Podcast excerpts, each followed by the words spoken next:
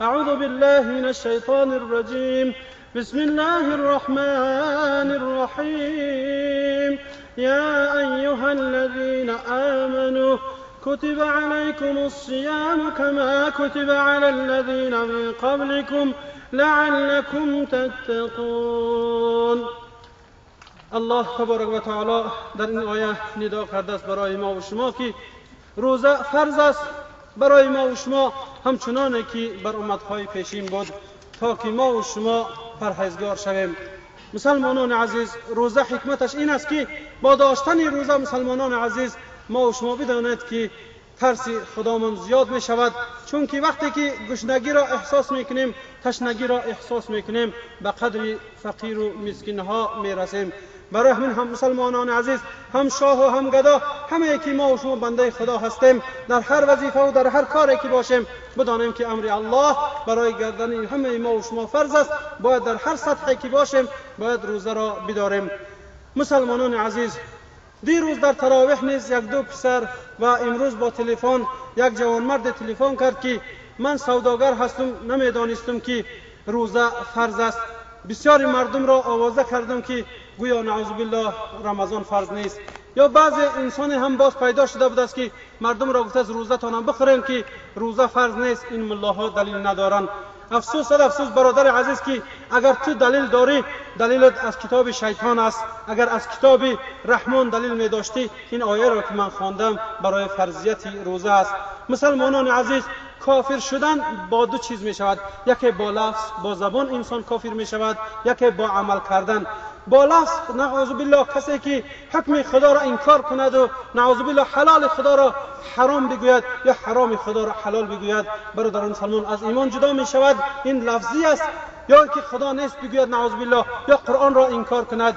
لکن عملیش این است که یک انسان در پیش یک هیکل بجان یا که یک بت سر به سجده بماند و پرستش کند. این عمل قطعی نیز انسان از ایمان جدا می شود خداوند ما و شما را نگاه بدارد از این از خدا بیگانه شدن یعنی از ایمان جدا شدن برادران سلمان بسیار ضرر سخت است.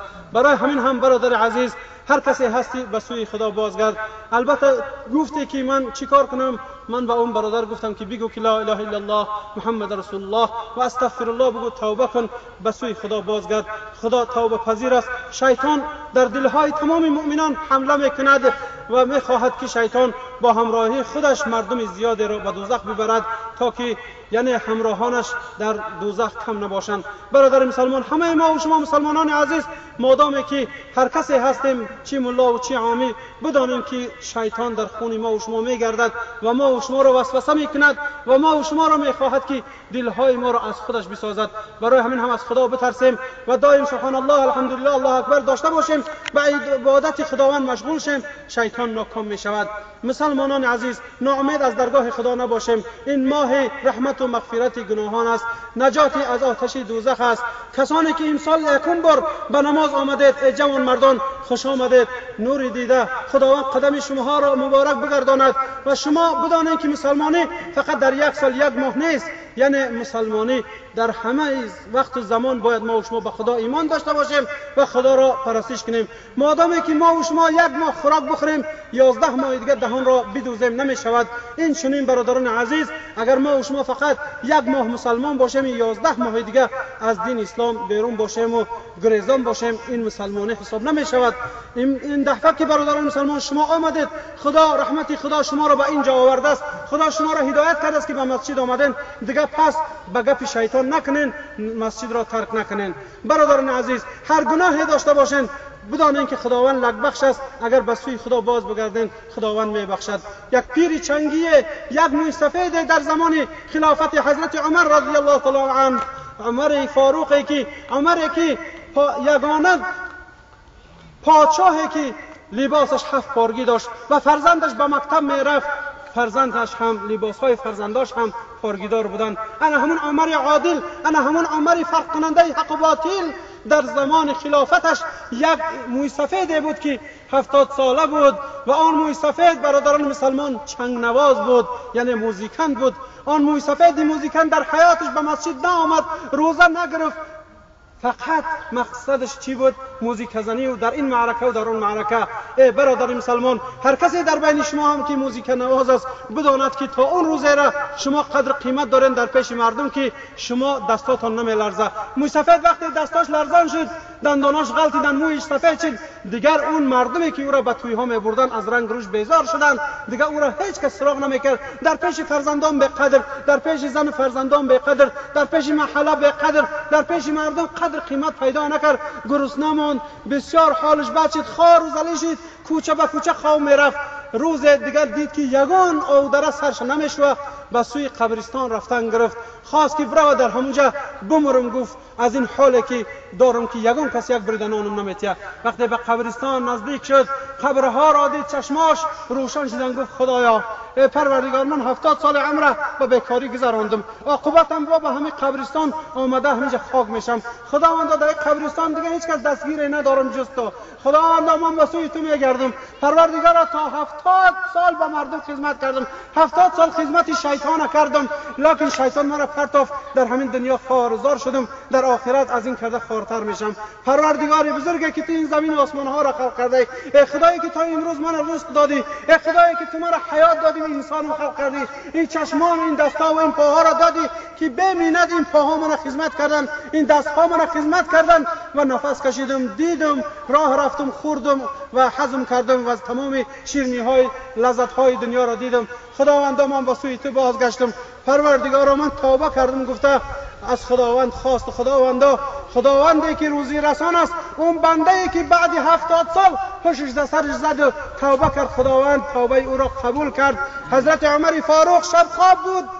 حضرت عمر فاروق در زمان پادشاهیش خواب دید که از طرف خداوند ندای آمد که عمر برو. بنده من را در فلان قبرستان سلام بگو از نام من و 700 دیناری از بیت المال بگی به او هدیه کن. حضرت عمر فاروق خست به مانند شعری که از پشت آهوها می دود این طرف و اون طرف قبرستان دوید. به غیر همین پیر چنگی دیگر هیچ کسی را ندید.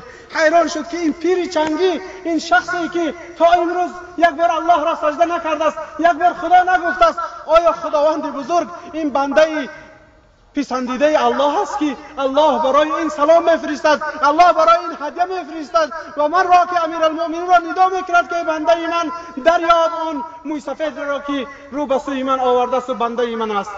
وقتی حضرت عمر هیچ باور نمی‌کرد دید که به جز آن موی سفید چنگ نواز موزیکن دیگر هیچ کسی دیگر نبود. وقتی به پیش این کس آمد در میان حضرت عمر فاروق یک قمچین برای در زدن بود. وقتی که این پیر چنگی او را دید از جاش یک خط ترسید.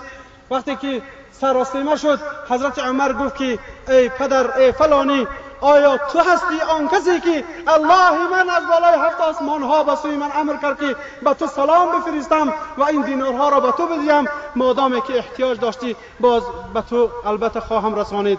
یعنی ببینید الله بزرگ را. خدا را نگاه کنید که رحمان الرحیم است. خدا را نگاه کنید بزرگیش که یک انسانی که هفتاد سال از مسجد بیزار بود یک انسانی که یک بار لا اله الا الله را گفتن شرم می داشت فقط در توی ها در عیش و عشرت بود.